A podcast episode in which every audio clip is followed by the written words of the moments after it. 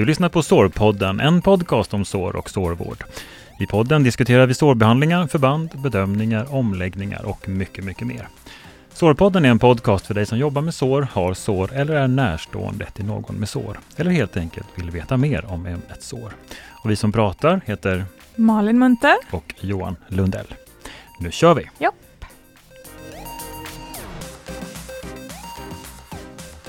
Yes, podd-dags. Ja. Kul! Yay! Det är, um, jag vet att det kommer bli ett spännande avsnitt idag. Mm. För Det är, någonting alltid, ju alltid spännande Johan. Ja, det är det. Men jag vet att det här är någonting som vi har varit och liksom nosat på det lite grann. Mm, mm. Och det är ett stort område inom sår. Mm, det är det. Trycksår. Trycksår är det idag. Mm, Mm. Men mm. innan vi börjar med det, Mm, mm. ska vi bara liksom lite snabbt kolla vad har du gjort Vad sen jag sist? Jag har varit på lite utbildning igen. Det, alltså hösten Nästan är alltid varje. Har ni, tänkt, har ni kantad. tänkt på, ni som lyssnar och följer våran podd, att eh, Malin är ganska ofta på utbildningar. jag. Antingen så är hon själv där som föreläsare och berättar om saker och ting, eller också tar du till dig. Ja, men precis. Varför eh, är du så intresserad av utbildning? Ja, men alltså dels, alltså om jag ska bli trovärdig i min roll som såransvarig sjuksköterska så måste jag ju ha utbildning.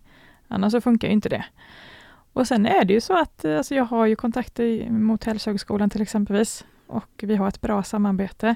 Och jag vill ju hemskt gärna dela med mig av kunskapen och det är min erfarenhet och det är också en av anledningarna till varför vi gör den här podden. Mm. Alltså jag brinner för detta ämne och det är roligt. Så att, eh, ja, men sagt hösten är kantad av mycket utbildningar. Ja. Så att, Men så brukar det vara kanske. ja, det, det, är konstigt. Man Ja. säger varje år, nu ska det inte bli så mycket i november, eller hur? Men, så, men både, både att du har varit på och att du har själv Ja, men hållit precis. i utbildning. Ja, ehm, jag var på en utbildning som handlade lite om, ehm, som går faktiskt lite hand i hand med det ämnet vi ska prata om idag. Eh, trycksår men fuktskador i, ehm, i sakrum också då, Ja. som faktiskt är ett problem. Och det har kommit lite nya produkter på det området, så det var spännande. Och lyssnat på lite utländska föreläsare.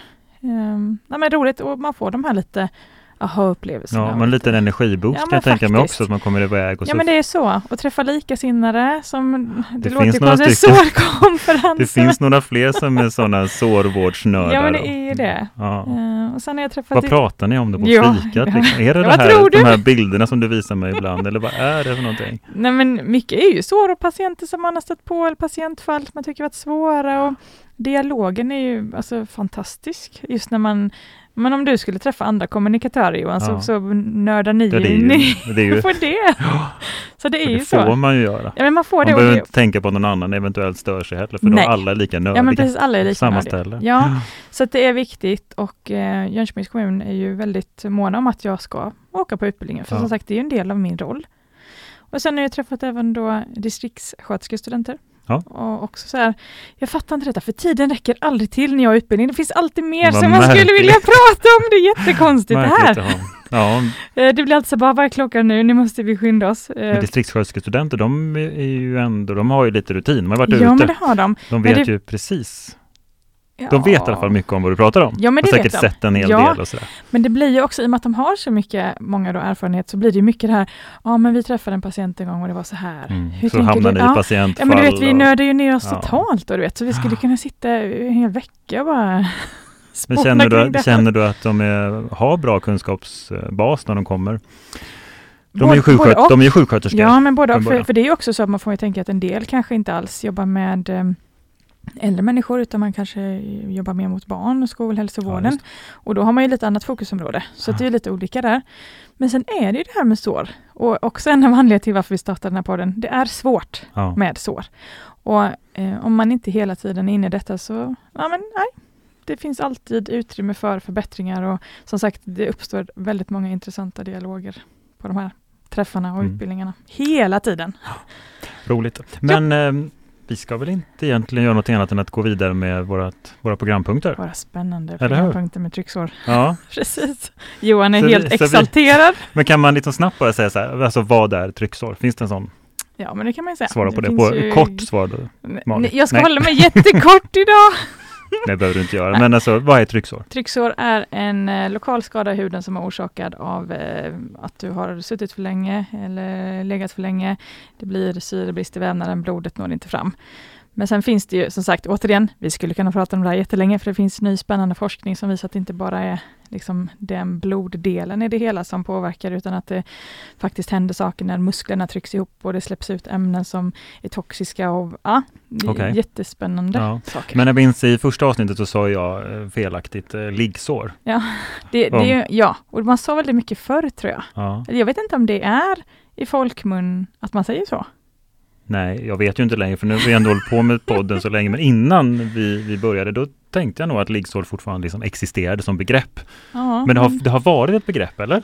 Eller är det ja, bara? Förr var det ju så, Ja. men eh, sen vet jag inte faktiskt idag i, alltså i kvällspressen hur man skriver om någon har ett sådant. Jag, jag, jag kan faktiskt inte riktigt säga Nej, det. du tänker någon sån artikel? Om det ja, är på precis. något sätt man någon patient säger- som har haft ett, Ja. den här typen av sår, hur man benämner det. Ja, ja, ja, ja. Men vi, vi pratar ju om trycksår här. Vi pratar trycksår, så det nu kommer vi. du aldrig mer Johan Nej, det säga vågar jag faktiskt inte. liggsår, eller hur? ja, nej men som sagt, trycksår är, eh, det är en kom, komplicerade saker som händer, men vi lämnade ändå därvid den förklaringen som jag sa. Ja, ja. Men eh, tryck kan ju uppstå om man sitter för länge, eller man ligger för länge, utan att lägesändra.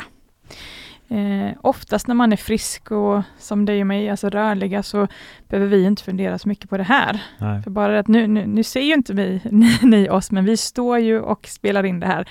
Och bara det när vi står så rör vi oss hela tiden, man flyttar sig fram och tillbaka. Ja. Men även om vi skulle sitta ner, så rör vi oss hela tiden. Vi sitter ju inte liksom helt så här, Nej, är det det det handlar om, så helt, helt still? ja på det stora hela kan man Ja. säga. Att man, eh, man får inte någon rörelse som man behöver. Ehm, och som sagt, där de patienterna eller de personer då som har en ökad risk att utveckla trycksår, eh, om de ligger för länge eller sitter för länge och de kanske har andra faktorer då som spelar in, som vi alldeles strax ska gå igenom, Okej. eh, så är ju risken större att man ska då få ett trycksår. Rörligheten känns som en någon grundläggande grej Ja. i det här. Att, Absolut, Ja. det är det. det, är det. Eh, och sen speciellt då delar där eh, skelettet ligger närma eh, huden. har du något exempel på det? Så Ehm. knät tycker jag känns som en sån. Men Ja, knät belastar jag inte-. Det är inte jätteofta kanske du ligger på mag och trycker ner knäna i. Nej, men jag man- tänker bara liksom att precis här på knät så är det väldigt Mm. mycket ben under Och, huden. och det har du ju rätt i. Men det, oftast är det kanske inte så att vi ligger jättemycket på mage och ligger där Men man- jättelänge. Nej, om man golfskurar Nej, länge, det, Det, det hör inte. till statistiken i alla fall på de områden där det Nej. uppkommer tryck som mest. Nej. Nej, Men det- vad var det du sa nu? Huden ska ligga nära? Ja, typ hälar till exempel. Okej, Det är mm, inte så mycket mellan där. Nej. Så de är ju en av de om områdena där man faktiskt eh, får trycksår lite lättare. Ja. Det och sakrum är väl egentligen det vanligaste. Ja. Eh, höfterna var lite mer förr, men eh, tycker mer nu att det är hälarna och sakrum. Ja. Vet du vad sakrum är? Ja, ja, men det är ju rumpdelen ja där. runt det kan vi säga. Mm. Är det mer upp mot ryggen eller ner mot, eller Eh, säger man sakrum lite- alltihop? Ja, men det är lite olika. Ibland så kan det vara mer inriktat mot sittbenen och ibland kan det vara lite liksom högre upp mot svanskotan. Ja, Det beror lite på om eh, det är orsakat när man sitter eller man ligger. okej. För man belastar i olika punkter. Ja. Men att det här med höfterna har minskat lite, det är kanske Ja. inte är liksom bevisat eller? Vi kommer till det Okej, sen. vi kommer. Ja, vi tar det sen. Det är i ordning. Ja, Ehm, och förutom då att man kan sitta för länge, ligga för länge, så har vi någonting som heter skjuveffekt. Jaha. Och jag tänkte jag ska visa den för dig nu, så nu får du förklara vad jag är, för nu kommer Mm. jag gå bort från micken här. ja, vi har en stol i studion som Malin sätter sig på.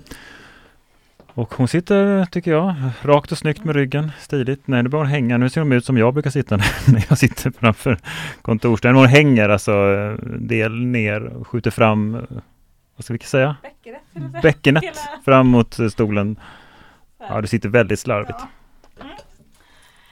Varför sitter du så? Ja, varför sitter jag så? Eh, jag ville då demonstrera lite skjuveffekten. Ja, För till exempelvis när vi, eh, om vi har en patient som ligger i sängen och så höjer vi upp huvudändan. Då kan det bli så att man kanar neråt. Och det var precis I det jag sängen? försökte, ja, det mm. var det som jag försökte visa dig här nu du då. kanar ner från stolen. Ja, men det jag du. kanar ner Ja. liksom. Eh, och då kan det ju bli alltså i eh, ryggslutet på de här personerna som är då känsliga eller eh, ligger i riskzonen. Så det blir så här korvning av skinnet. Ja. Kan du se ja, detta framför dig? Framför mig. Ja. Eh, blodkärlen här under kan ju knickas eller gå av. Och det kan ju i sin tur då leda till syrebrist. Okej. Så det är inte bara det att man liksom sitter eller ligger platt fall utan även att man faktiskt, alltså felaktigt mönster i rörelse där, Ja. eh, kan också då bidra till detta. Eh, och det är faktiskt inte helt ovanligt att man ser det här just människor som sitter så illa, både i rullstolar och i sängar. Mm. Att man liksom har glidit ner på den här lite hängande framskjutna eh, positionen. Ja. Men hur länge ska man sitta så för att det ska bli eh, Det är ju så sår? olika beroende på vad det är för person eller patient och bakomliggande faktorer. Ja. Men det är en riskfaktor som man absolut ska se upp med och försöka åtgärda så att det inte blir så här. Eh, inte sitta så i sängen med, med upphöjd huvud, utan man kanske kan vinkla knäna också. Då får du en helt annat läge. Eh, eller kanske ha andra hjälpmedel under knäna som lyfter upp och ja, man får Men en är det själva ställningen som är viktigt eller variationen? både och. Ja. Och här ska man även blanda in rehab. Förstår du vad jag menar då? Ja, precis. Vilka, vilka är rehab? Vilka det är? Ja, Rehab-teamet. ja vilka är det? De som jobbar med, inom hälso och sjukvård. Så har vi ett rehabgäng. Ja, vilka är det? De är, de är vänta nu, Ja. de är... Um, um, ja, Ska, jag- ska jag du får nog hjälpa, dig? mig lite. De jobbar inom hälso och sjukvård i alla fall. Mm. Och de är ju sjukgymnaster. Sjukgymnaster eller Mm, fysioterapeuter heter det nu för tiden. Och arbetsterapeuter. Mm. Ja, Alltså att vi har samarbete med dem kring de här patienterna som har risk för trycksår och har trycksår är jätteviktigt. För att eh, vi kan inte sitta ensamma på vår kammare och tro att vi har alla svaren. Utan det är ju kombon av eh, kunskap som är viktig.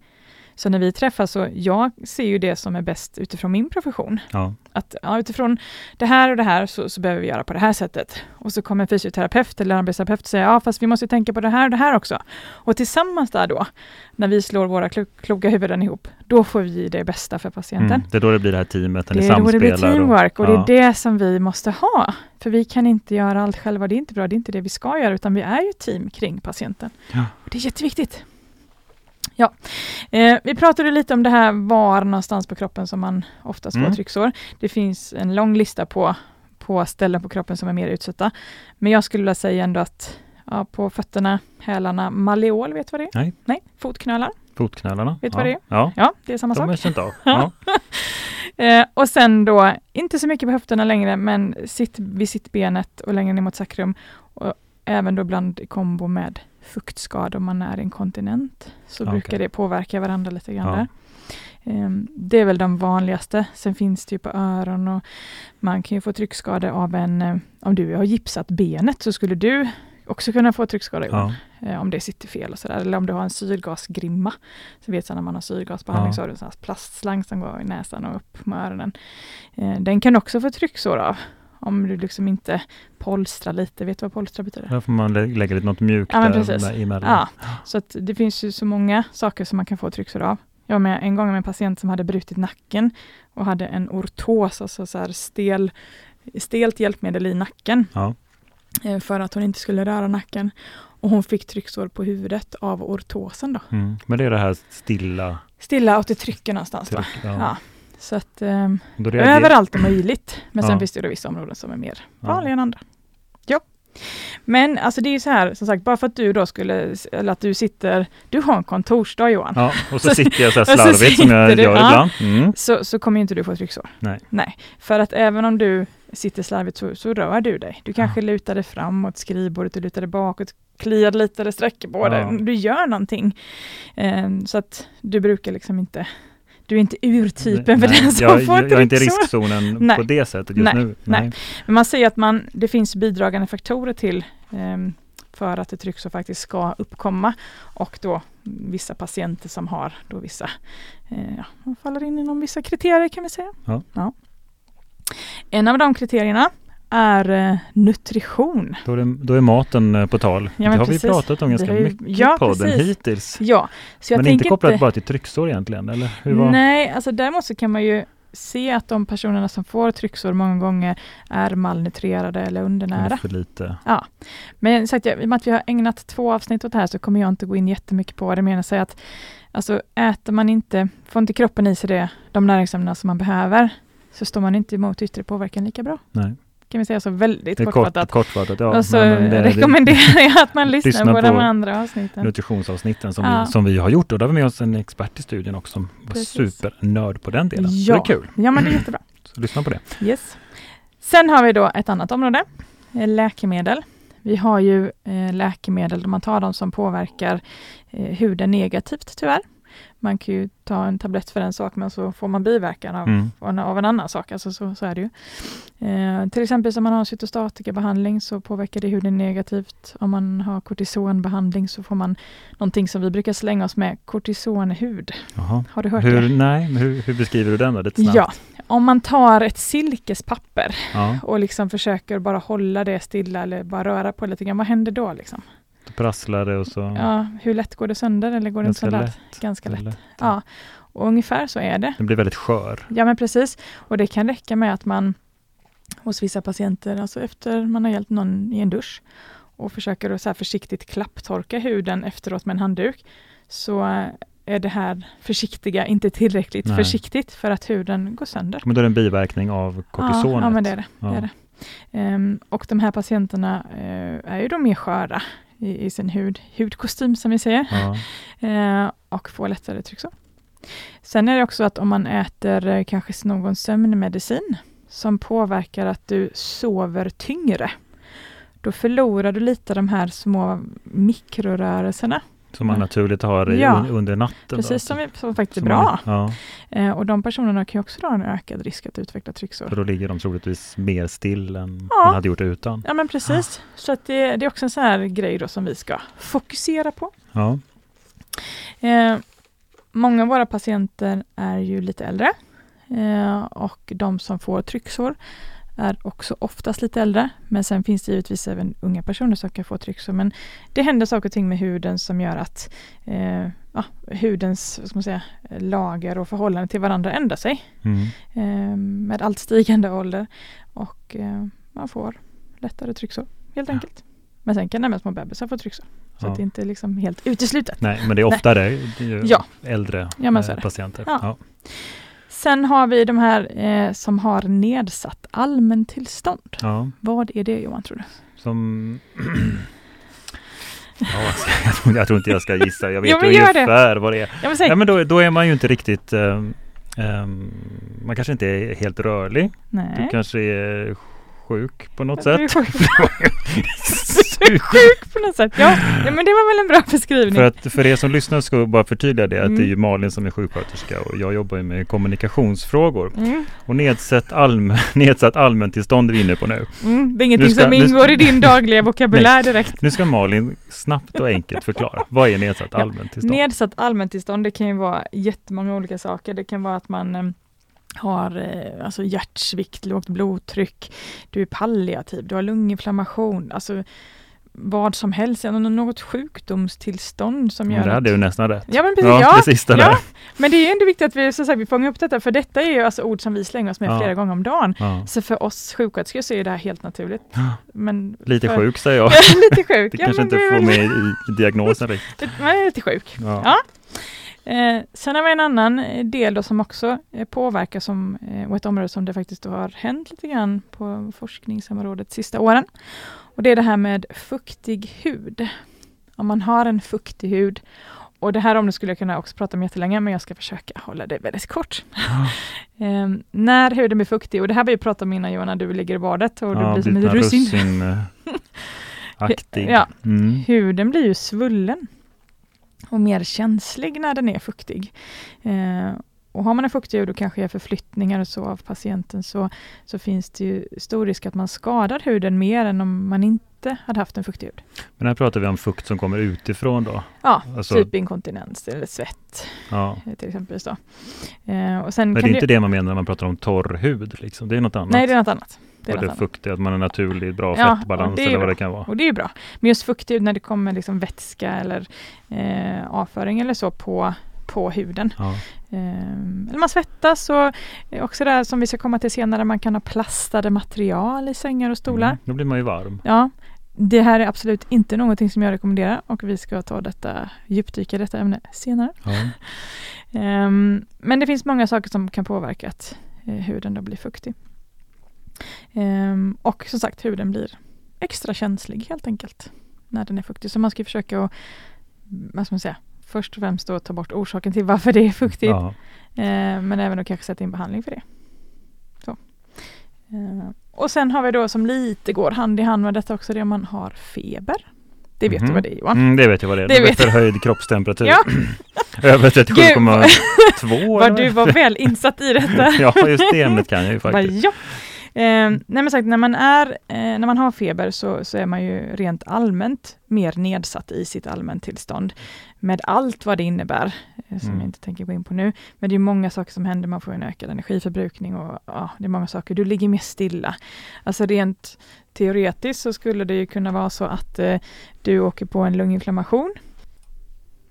Och när du då eh, har feber och så vidare, du kanske ligger mer stilla i sängen, inte jättepigg på att gå upp och varken äta eller dricka eller göra någonting, inte ens titta på TV. Nej. Du är rätt kass faktiskt. Ja, Du ligger där i sängen. Då har ju du en ökad risk att få trycksår. Och om detta nu är en patient som eh, kanske är inneliggande på sjukhuset, så det som jag vill skicka med till, ja men i alla fall nyfärdiga sjuksköterskor som oftast är väldigt inriktade på att man, ja men nu ska vi sätta den här infektionen, vi ska sätta antibiotika, se till att patienten blir frisk. Men man får inte glömma att man har en ökad risk att få trycksår också. nej, Så att man sätter in åtgärder för det här. Ja. För att det har ju hänt, alltså från frisk eh, person uppegående till pang eh, rätt dålig, så har ju de också eh, som en stor risk att utveckla trycksår. Det känns som att det finns ganska många olika faktorer som Ja. säkert då samspelar här i det här läget. precis. Liksom. Och det är liksom en hel cirkel kan säga, av faktorer som vi behöver omfamna och fånga upp för att verkligen eh, se till att de här patienterna eh, alltså får rätt åtgärder insatta. Ja. Eh, förebyggande åtgärder. Men åtgärder. finns det någon sådär riktig förebyggande insats som man verkligen ska tänka på då? Avlasta. Ja, okej. Mm. Lägesändra. Ja. Det är liksom... Men jag som patient då? Mm. Eh, Samma sak där. Ja, Att att jag du tar- själv liksom Ja. tänker på det? Okej. Ja, Mm. eh, faktiskt flytta det lite grann och även om du sitter uppe att man eh, försöker röra sig lite grann. Alla rörelser är ju bra. Ja. Så att, Även de små? även de små. Sen har vi då en patientgrupp, eh, om vi säger nu att man har en försämrad ytlig cirkulation. Mm. Eh, om vi har en patient som har diabetes, vi har kanske en patient som eh, eh, röker.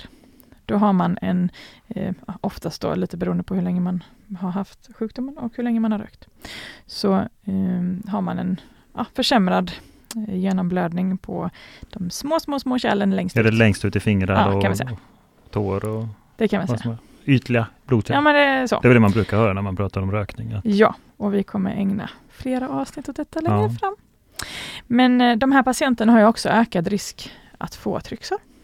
Så Ja. då behöver man fånga upp dem. Men det är inte bara det, vi ska prata om rökning en annan gång, men jag tänker det är inte bara när såret uppkommer, men även liksom i läkningsprocessen. Ja, absolut. Så man behöver ha den här blod, vad kallar du det för, till genom Ja, genom, eller- genomblödning. liksom. genomblödning? Ja. Ja, för att kroppens alla funktioner ska fungera, Ja. kan vi säga. Så är det. Japp.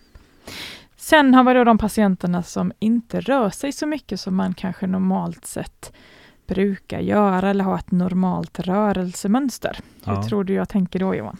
Men det kan ju vara om man till exempel sitter, eller man sitter i en rullstol Ja, eller är sängliggande av olika orsaker. Och det här finns ju jättemånga olika alltså sjukdomar som detta skulle kunna bero på. Eh, demensdiagnoser, Parkinson, MS, ALS, man har haft en stroke, man har haft en fraktur. Alltså listan kan göras jättelång här, men allting som på något sätt påverkar att man inte rör sig lika mycket som man är tänkt att man ska göra. Helt enkelt. Sen är vi ju rent allmänt ett eh, alltför stillasittande folk, Ja. men är generellt så. Eh, så har ju de en ökad Men man ska liksom ha en sån liten varningsklocka som Ja. klingar till att Ja, det här precis. är en förändring som gör att det blir ökad risk för trycksår. Ja men precis så är det. Och det här går lite också hand i hand med vissa sjukdomar som gör att man inte känner lika bra att man faktiskt behöver lägesända. För det, det kan ju vara så att Mm, även om du skulle ja. sitta stilla hemma i soffan. Jag kollar på TV liksom, Ja, så titta på- känner jag ju. Ja, men visst gör man det. Ja. Ehm, och alltså skulle man bara slänga ut frågan så kanske de flesta, skulle säga att nej men vadå, det känner väl inte jag. Men börjar vi tänka efter så någon gång så kan man väl känna att man har träsmak lite grann. Ja, man säga. ja precis. Man har suttit länge i bilen, Ja. det vara skönt att sträcka ut. Ja men precis. Eh, och vi känner ju det. Men vissa personer med olika sjukdomar har inte den känslan av olika anledningar. Så de känner inte att de får ont. Signalerna går liksom inte fram. Jag känner inte att de behöver Nej, och då gör de inte det. Så. Nej. Och då gör man inte det. Och där behöver ju vi hjälpa dem med att få ett så ja, normalt rörelsemönster går ju inte, men lägesändra utifrån ja, individens förmåga och kapacitet och behov. Ja, ja. Eh, och det är, våran, det är våran del i detta med omvårdnaden och ja, som sagt lägesändringsschema och, och så vidare. Med att och de är förstås väldigt individuella, ett sådant ja. schema, så man ja, kan inte säga vad man bör vi kommer nudda lite vid det sen längre fram. Okay. Det är mycket mm. vi ska prata om Johan. Yes. Nej men så det, det, är en jätteviktig del att man verkligen fångar upp de här eh, och även de då som sitter upp i rullstol, inte bara ligger ner i sängen utan även de som sitter upp, att man fångar upp dem och försöker få dem att röra sig lite mer och det kanske en del tycker är svårare, för det är svårare kanske då kan man tycka att lägesändra någon i sittande läge än i liggande. Ja. Men vi kommer att komma till det. Precis, men fysioterapeuterna då? ska vi ju ha samarbete med ja. hela vägen här. Ska vi bjuda in en sån då? Vi kommer att Eller? göra det. Jag har redan bjudit in fast inte Nej, idag då. Inte idag. Nej. Men en annan, och det lät ju äh, jätteintressant ja. så kanske jag får höra ett och annat om ja. vad deras yrkes, eh, vad de egentligen kallar sig för.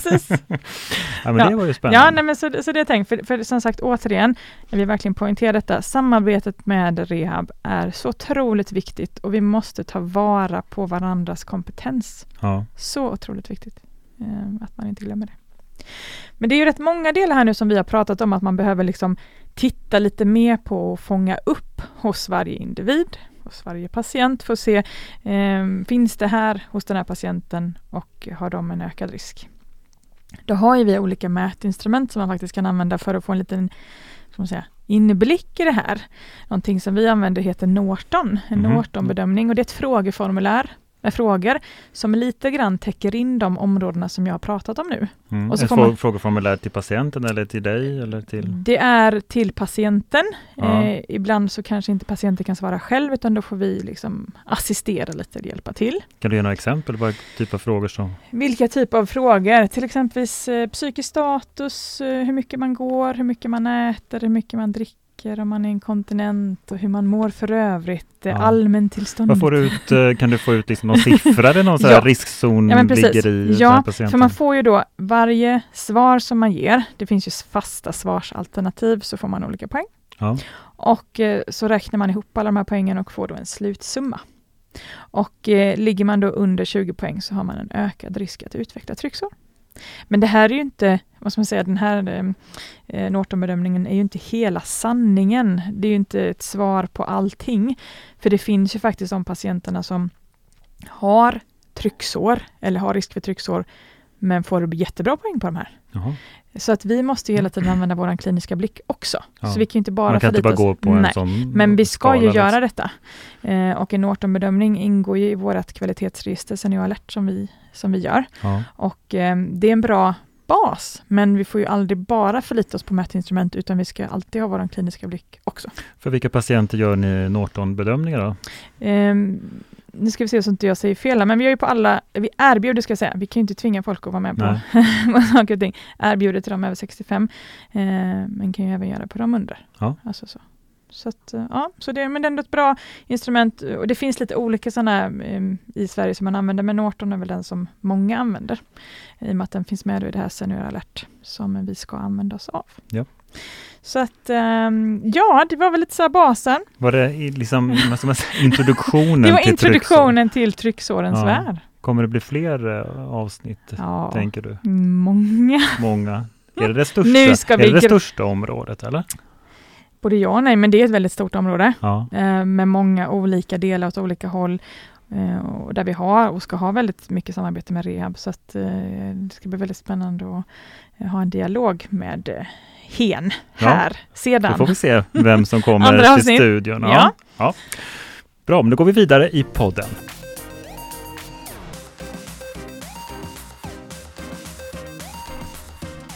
Nu är det dags för dagens förband.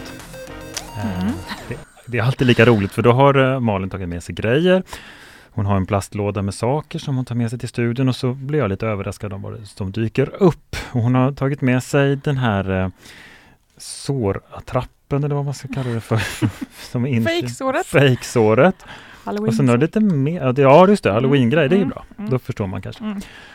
Och sen har du tagit med lite mer grejer, ser lite kladdigt ut idag. Ser lite kladdigt ut. Mm. Är, skulle du kunna beskriva det du ser Johan? Ja men, ja, jag har ju tjuvläst lite i manus. men jag hade nog inte gissat på det som jag tror att det är. Nej. För att, um, om man, okej okay, jag kan säga att det ser ut som en bik kaka. Nästan sådär som, som, som get, Mm. bina har när de gör Mm, honung. Mm. Det är den Så. ena. Det är den ena. Den, den andra andra? är som knäck som har runnit ur en tub. Underbar beskrivning. Ja.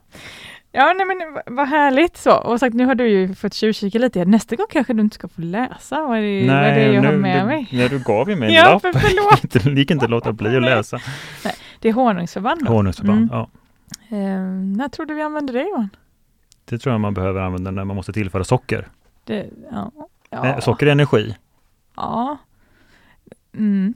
Det är spännande. Alltså på, på ett sätt har du faktiskt rätt, men eh, ja.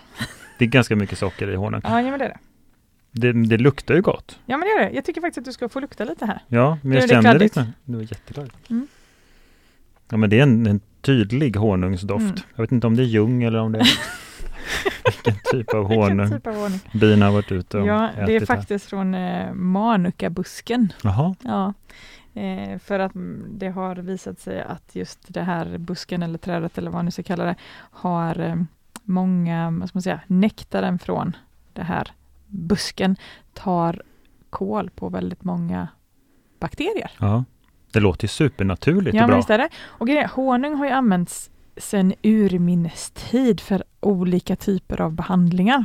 Och det är också så här, alltså typ om man är förkyld och sånt så brukar man kanske ha lite honungsvatten. Honungsvatten eller honung i om man teet. tycker det eller- känns bra. Så, Ja.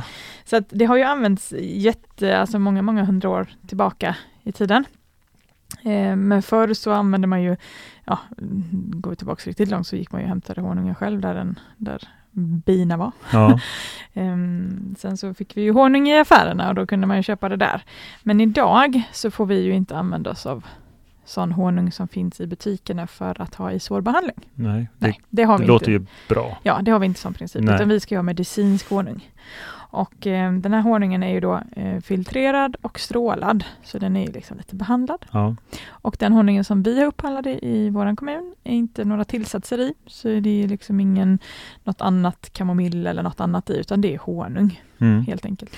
Och ren honung, man vet att det är från en enda busktyp då. Ja, men precis. det är på något Ja. sätt vet bina, de är framställda i sån miljö liksom. Ja. Här har ni bara tillgång till Ja, de här, precis. Ja. får man utgå ifrån. Ja, nej, Ja, så är det. Eh, och eh, det här är ett av de produkterna eller förbanden som vi kallar för antiseptiskt. Okej.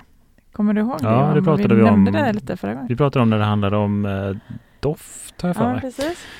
I, Mm. i, Och- Ja, Sår. i sår. Och, och så är det ju, att i och med att eh, honungen faktiskt kan dämpa eh, lukten. vad i, betyder antiseptiskt av själva ordet? Det betyder att det på något sätt avlägsnar eller dödar bakterier i ett sår, Ja. i det här fallet. Då. Och eh, vi använder ju honung, eh, medicinskt då, honung i sårbehandlingen när vi vill på något sätt rensa upp i sår. Eh, när vi misstänker att det finns en ökad växt av bakterier i sår. Eh, så är det ett rätt så skonsamt sätt att behandla det här med. Ja. Eh, i maligna tumörsår, vet du, förstår du vad det är? Då är det något canceraktigt. Ja, precis. Ja, att cancerceller har brutit igenom huden och man, man har fått ett sår av tumören.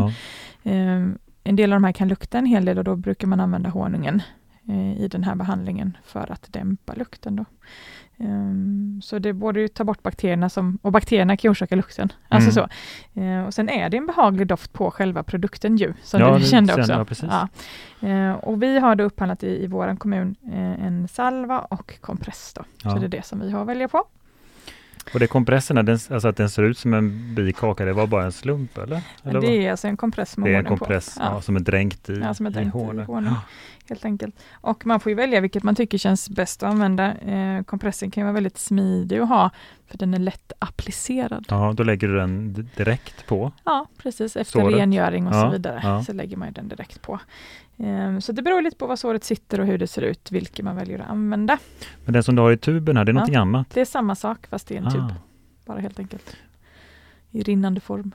och då applicerar man det på något annat sätt? Nej, du lägger det i såret. Direkt på bara? Ja. Så um, man behöver ju ha ett lite, det får inte vara för, för lite, utan du behöver ju ha ett litet lager med Ja. några millimeter. Eh, den- Produkten luktar jag på den här tuben. men den luktar inte lika mycket som den kanske andra. får lukta på, på det som jag har Jaha, tryckt ut kanske. Det är kanske lite, Ja, men det är samma Ja, doft. det är samma doft. Ja. Ja. Ehm, Alltså ganska rikligt med när man Ganska- använder den. ja men precis, ganska rikligt. Eh, många av de patienterna som får den här behandlingen tycker att, eh, men dels man säger honung, många känner ju igen det, eller Mm. de flesta känner igen det, ja, ska du ha honung? Eh, och på något sätt har man en positiv association till det. Eh, de flesta har inte så mycket reaktioner från den. Ibland så kan man känna att det svider till precis när man har lagt på det. Men sen går det över. Men det är givetvis så är det individuellt. Men utifrån min erf- erfarenhet så, så är det så det brukar vara. Eh, är man allergisk mot bistick så ska man kanske inte använda detta. Eh, så man tänker på det. Men annars är det en väldigt bra behandling som man faktiskt kan använda eh, under ett bra tag om behovet finns. Ja. Så. Eh, och det finns ju ingen resistensutveckling. eller Sådär. Och sen, det är ju rätt fascinerande för att vi vet ju inte exakt vad det är som gör att honungen är så bra. Nej, det, det finns inte liksom papper Nej, man på har, att, det, av, av den här, den en här tjej, anledningen. nej, det var en tjej i Lund som forskade lite kring detta ehm, och vad som händer i honungsbinas magar och, och sådär. Ja, Ehm, jättespännande framåt. Det ska bli kul att se vad, eh, om fler, fler gör forskningar på det här. Jag vet att det var någon i, i Stockholm som skulle göra något, någon studie på det här med honung och tumörsår. Mm. Ehm, jag har inte hört hur det har gått sen. Men det, Nej, men det får ja, du kolla upp för det är väldigt, jag tycker det är häftigt att det är en sån, sån naturlig Ja, produkt som man ja, kan men visst. använda. Och det brukar många vara positivt inställda till också. Ehm, så att, och tänk så här, jag tänker framtiden, tänk vad häftigt om, man kunde, om någon kunde utveckla en kapsel som man kunde ta med honung istället för antibiotika. Ja, Tänk vad coolt det hade varit. dem. Ja, Ja. underbart, så jag hoppas att jättemånga vill forska på det här. Ja. Så, så att det var väl egentligen det som jag tänkte säga om det här. Alltså, när man använder honung så man lägger det i såret, sen behöver du ha ett ytterförband. Ja. Annars så rinner det ju liksom iväg. Så ja, Det har du några dagens... frågor Johan? Nej, jag blev lite sugen på te. Du. Men, eh, du kan få ta med dig tuben. Ja precis, testa lite självmedicinera Ja. med Mm. honung. Det var ro- roligt, men eh, vi avslutar dagens förband, Det den programpunkten. ja, bra.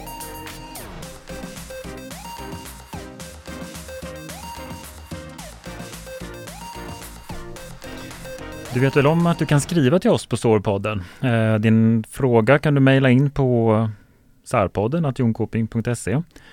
Eh, Den kollar vi regelbundet och så tar vi med frågorna i podden. Vi har fått in en från sjuksköterskestudent. Jag tänkte att jag läser upp den för Malin så får hon svara. Mhm. En helt sängliggandes patient med nedsatt rörlighet. Patienten har en ökad risk för trycksår. Hur lång tid skulle det ta för henne att utveckla trycksår? Jag kan ju inte säga exakt på, på minuten. Alltså. Helt, helt sängliggande Helt säng, ja. nedsatt rörlighet. Men om man säger så här, alla varningslampor ska ju lysa här. Ja, Så att man eh, lägesandrar hellre för, för ofta än för sällan.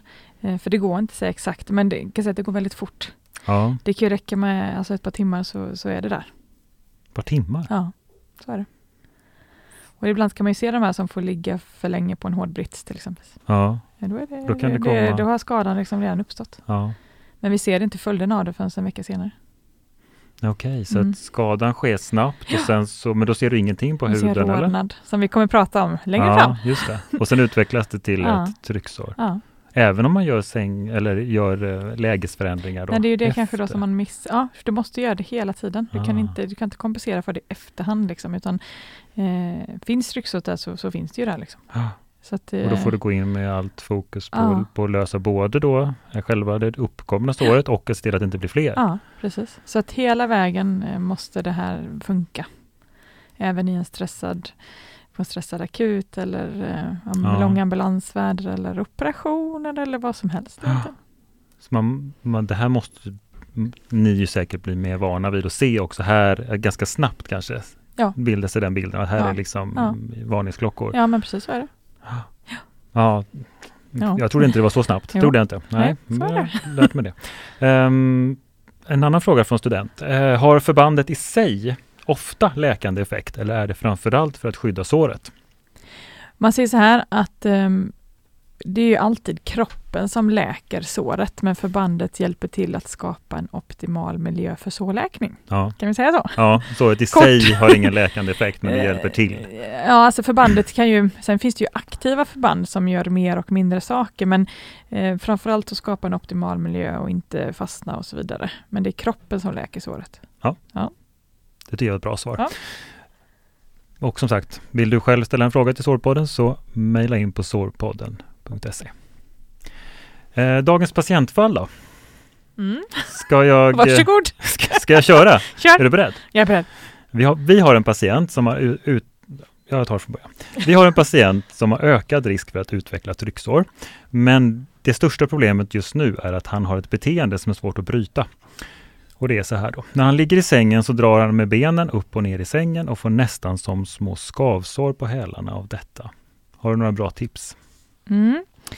Eh, Man kan ju få som nästan friktionsskador på, på hälarna när alltså, det finns vissa individer, patienter som har de här, eh, eller som gör så här. Man, Ja. man gnider ju liksom eh, Mot, eh, hälen mot underlaget. Ja. Nu visar jag här, på, om ni hör någonting så visar jag Johan på bänken mot, här. Ja, precis mot ett Hur- hårt hur underlag. Ja.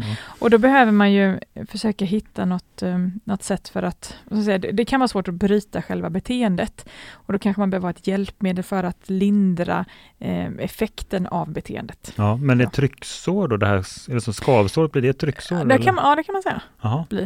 Eh, Men det som vi brukar prova lite grann då, det är att man kan ha ett eh, glidlakan längst ner i sängen för att liksom minska friktionen. Det blir, ja, du får en glidyta helt enkelt. Det är som ett litet sidenlakan. Ja. Har du sett något sånt? Ja, men det har jag nog. Ja. Du, jag ska ta med mig detta Ja, det du nu göra. framåt här, när vi ska Men- prata mer om Så man kan detta. ha en strumpa? Ja, alltså framförallt det. Eh, sen finns det ju olika typer av vad man säger, hälavlastare, men när patienterna har det här beteendet så brukar det vara svårt att få de här eh, grejerna att sitta kvar på foten och benet. De Okej. brukar åka av, så det brukar oftast inte fungera. Nej. Utan det är mer att man behöver liksom lägga något i sängen. Eh, sen finns det någonting som, det finns olika typer av man säga, glidmaterial. Vi har en som heter Easy Slide, som en liten glidig tunnel, kan vi säga. Och jag ska visa en dig glidig en tunnel. glidig tunnel. Så att, ehm, ja, hur ska man förklara detta? Tänk dig bara ett um, glidigt material som du syr ihop till en rund cirkel. Ja, en tub. En tub kan vi säga, men Ja. ja. bra. Som är rätt så stor. Ja. Mm. Och sen så lägger man den i sängen. Och sen vi ser nu att vi gnider då på den ovansidan, då rullar ju den här fram och tillbaka. ja, just det. Och då fångar det upp en del av friktionen eh, och blir då inte på samma sätt. Okej. Så, Så det, det finns lite hjälpmedel Ja. man kan titta på för Ja. att förhindra. Och vi kommer lite och eh, nudda vid det här ämnet lite mer sen när vi kommer bjuda in en gäst, en arbetsterapeut. Ja, så det var väl ungefär det som jag tänkte kring Spännande. detta patientfallet. Bra. Men vi har haft ett eh, innehållsrikt avsnitt Ja. idag. Jaha. Så vi får väl eh, ta avrunda nu. Ja, får vi göra. Så hörs vi framåt i poddarna. Ja. Det är vi så. Mm, det vi. Tack och hej. Tack och hej.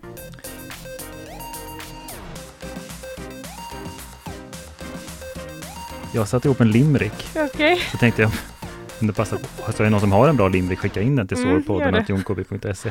Jag tänker så här. En vetgir... En, börjar från början. En vetgirig syrra från Jönköping ville snabbt lära ett och annat ting. På sårpodden han lyssna, nu ingen syrran kan tysta. På sår är han nu king.